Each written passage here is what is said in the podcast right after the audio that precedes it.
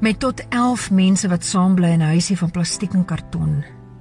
Kan mens verstaan hoe 'n kersomval en 79 shacks binne oomblikke tot op die grond afbrand en meer as 400 bitter behoeftige mense sonder 'n inkome of enige beskutting teen die winterkoue laat.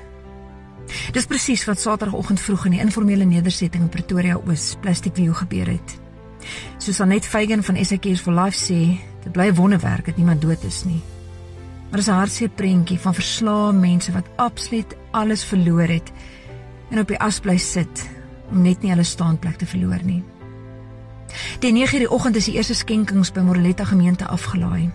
Vrouens van die gemeenskap en die geraak is deur die brand nie het kom help sorteer en pak in die kos en klere skenkings. Donasies het dit moontlik gemaak om houtpale te vervoer om weer die huise te begin bou. Almal spring in om te help van buite, maar ook van binne die gemeenskap vir mekaar. Maak hulle reeds baie klein huisies oop om nog 'n maankind in te neem sodat hulle warm kan slaap en almal wat kan help kook en bou. Soos ons instap by die kamp, sien ons 'n ma met haar twee kinders, netjies aangetrek vir skool. Hulle is een van die gesinne wat alles verloor het. Maar die skool het gehelp met klere vir die kinders en daar's nie tyd vir bly nie. Rita Erasmus, ek is 'n maatskaplike werker by uh, Moraletta Park se gemeente en ons het uh, ons eie geregistreerde NPO hier, Lift Community Development. Ja, so en ons het onmiddellik 'n boodskap deurgestuur en van Saterdagoggend 9uur af het die goederes begin instroom. So ons het genoeg klere gekry om 3 keer vir elkeen van daai uh, 411 persone um, weet swart sakke klere te gee.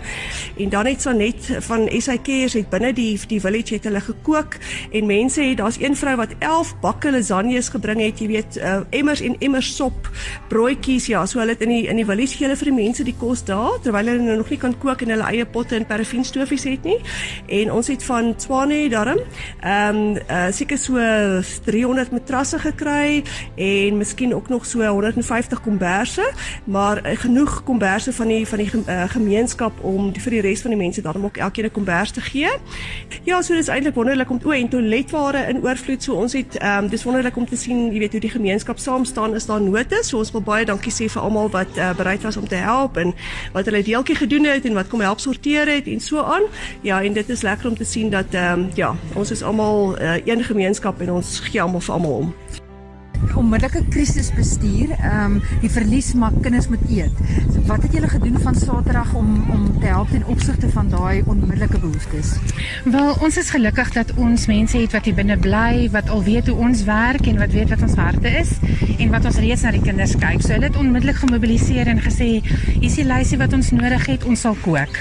Ehm um, ons besef dat daar 'n klomp mense wat daar buite kan werk om donasies en goed bymekaar te kry, maar die mense is honger, hulle het alles verloor, die kindertjies, jy weet, as hulle honger is, dan is hulle nog meer emosioneel oor wat gebeur het. So ehm um, ja, ons het toe vir hulle die ehm um, bestanddele gebring en hulle het onmiddellik begin kook vir almal. So almal wat wat sy huis gebrand het, het 'n boodskap van die leiers af gekry om te sê hier's vir julle kos. Kinders kom, kinders kom so laat, uh, uh, die ehm um, groot mense kom so laat en hulle kom staan en hulle elkeen ontvang 'n warm bord kos vir die dag belangrik is, is ons kan nie vergeet dat ons in COVID tyd is nie. So vir ons is dit baie belangrik om die kinders en die mense wat hier bly se se gesondheid op te hou. So hulle moet eet. Die kinders moet aanhou eet. Ons het baie moeite en tyd spandeer gedurende COVID om vir hulle gesonde pap en kos hierso te hê sodat hulle nie hulle immuunstelsels nie af is nie. So ons wil nie graag hê die brand moet dit nou beïnvloed nie. En dit is ook om ons besluit het om dadelik te begin kook en seker te maak daar's elke dag gesonde kos vir almal. Die challenge wat ons het is dat baie van die ehm um, stands word uitverhuur deur mense wat nie eers hier bly nie. Maar die mense wat hier bly is so desperaat vir 'n blyplekkie dat hulle hier. So dan het jy 'n stand wat 11 mense huisves en jy het 'n 1 meter kamertjie waarin jy mag bly en jy betaal hier vir daai kamertjie. En dan is dit nou 'n koue winter hierdie winter, nê? Nee? So die ouens kry koud. So hulle maak, hulle steek 'n kersie aan of hulle maak 'n vuurtjie om warm te probeer bly. So daai kers omval in 'n 1 meter spasie. En dan is dit net so maklik dat alles net begin brand. Dit is plastiek en dit is karton, dit brand net bloot eenvoudig af. Weet julle hoe dit begin het? Dit ja, was 'n kers. Ja, dit was 'n kers wat omgestamp het. Ehm um, en dit was in een van daai shacks wat 11 mense huisves. So die shacks is al klaar so klein, hulle is al klaar omtrent nie. So 'n dubbel shack is omtrent as ek nou moet ek sal nou seker maar moet gaan seker maak presies wat die afmetings is. Maar daar's 11 mense wat elkeen 'n meter het waarin hulle bly. meter by 'n meter. So dis letterlik 'n 'n blokkie waarin hulle mag bly. En die kers het omgeval en vlam gevat en dis net hoe dit hoe dit gebeur het. Saterdag by die oggend as ek klim die tekse kom by die hulle bel my hulle sê maak gou die vuur hulle brand toe ek sê nee ek is op pad. Toe ek kom ek vinnig ek sien ek kry die die klaar die huis hulle klaar gebrand. Die fire brigade was hier sommer nou die groot probleem met die fire brigade hulle het nie by die straat ingegaan oor die straat hulle is bietjie klein. Jy moet beter town planning kom en jy moet beter strukture kom en ons almal veg vir daai doel. Al ons almal wat hierby betrokke is, wil graag hê hierdie plek moet beter lyk. Ter wille van almal. Maar dit is 'n langtermyn geveg. Dit is nie iets wat oornag gaan gebeur nie. En intussen gebeur goeie soos 'n brand.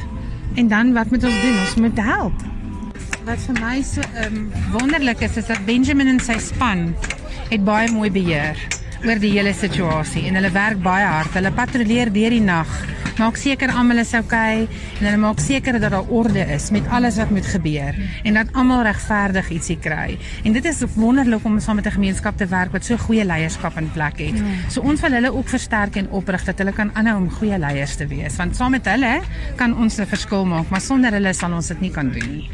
How quickly did the fire get to your house? Uh near to 6 we start that side. So few minutes wind has change come to us. So don't have a chance for come get all things for me. Yeah, yeah. even shoes i don't have a shoes nothing clothes all of things. Hmm. Yeah Mense huil want hulle het alles alles verloor, alles. Weet nie 'n ding nie. Het hier gestaan sonder 'n baadjies en sonder skoene toe ons hier aangekom het vroeg die oggend. Alles is net weg. Want ons kan nie vir hulle 'n akkommodasie iewers anders reël nie, want as jy jou stuk grond verlaat, verloor jy hom. So jy sit met wat jy ook al oor het op daai ashoop. Letterlik vir 2 aande in 'n ry totdat jy kan begin herbou en totdat alles skoon gemaak is. So ja, hulle het vir die mense die babas in die mammas plek gemaak. Hulle dadelik begin potte bymekaar maak, begin kook. So ons het die laaste 2 dae het ons almal wat gebrand het, het geëet en al die kinders het geëet. En dis my nog 'n ander amazing ding. Hier is baie honger mense hier binne, maar hulle het gerespekteer dat hierdie kos is vir die ouens wat alles verloor het. Ons het nie een 'n uh, eh, situasie van aggressie gehad of wat mense die kospotte bestorm het of dat almal wil hê nie. Hulle het gesê hierdie weet ons is hierdie mense se. Ons het maar voortgegaan gegaan en ons het gehelp. Ons het dadelik begin om al ons staf se huise te herbou. Ehm um, en nou is ons besig om te kyk na enkel mammas en kinders wat nie finansiële hulp het om hulle huise te herbou nie. En ons Power of the Father program, die manne gaan nou vir hulle huise bou. Ehm um, danksy eh, 'n uh, anonieme borg kan ons vir hulle R10000 gee. Maar ek moet net vra. Waar gaan jy eers? Wat is nou die nodigste?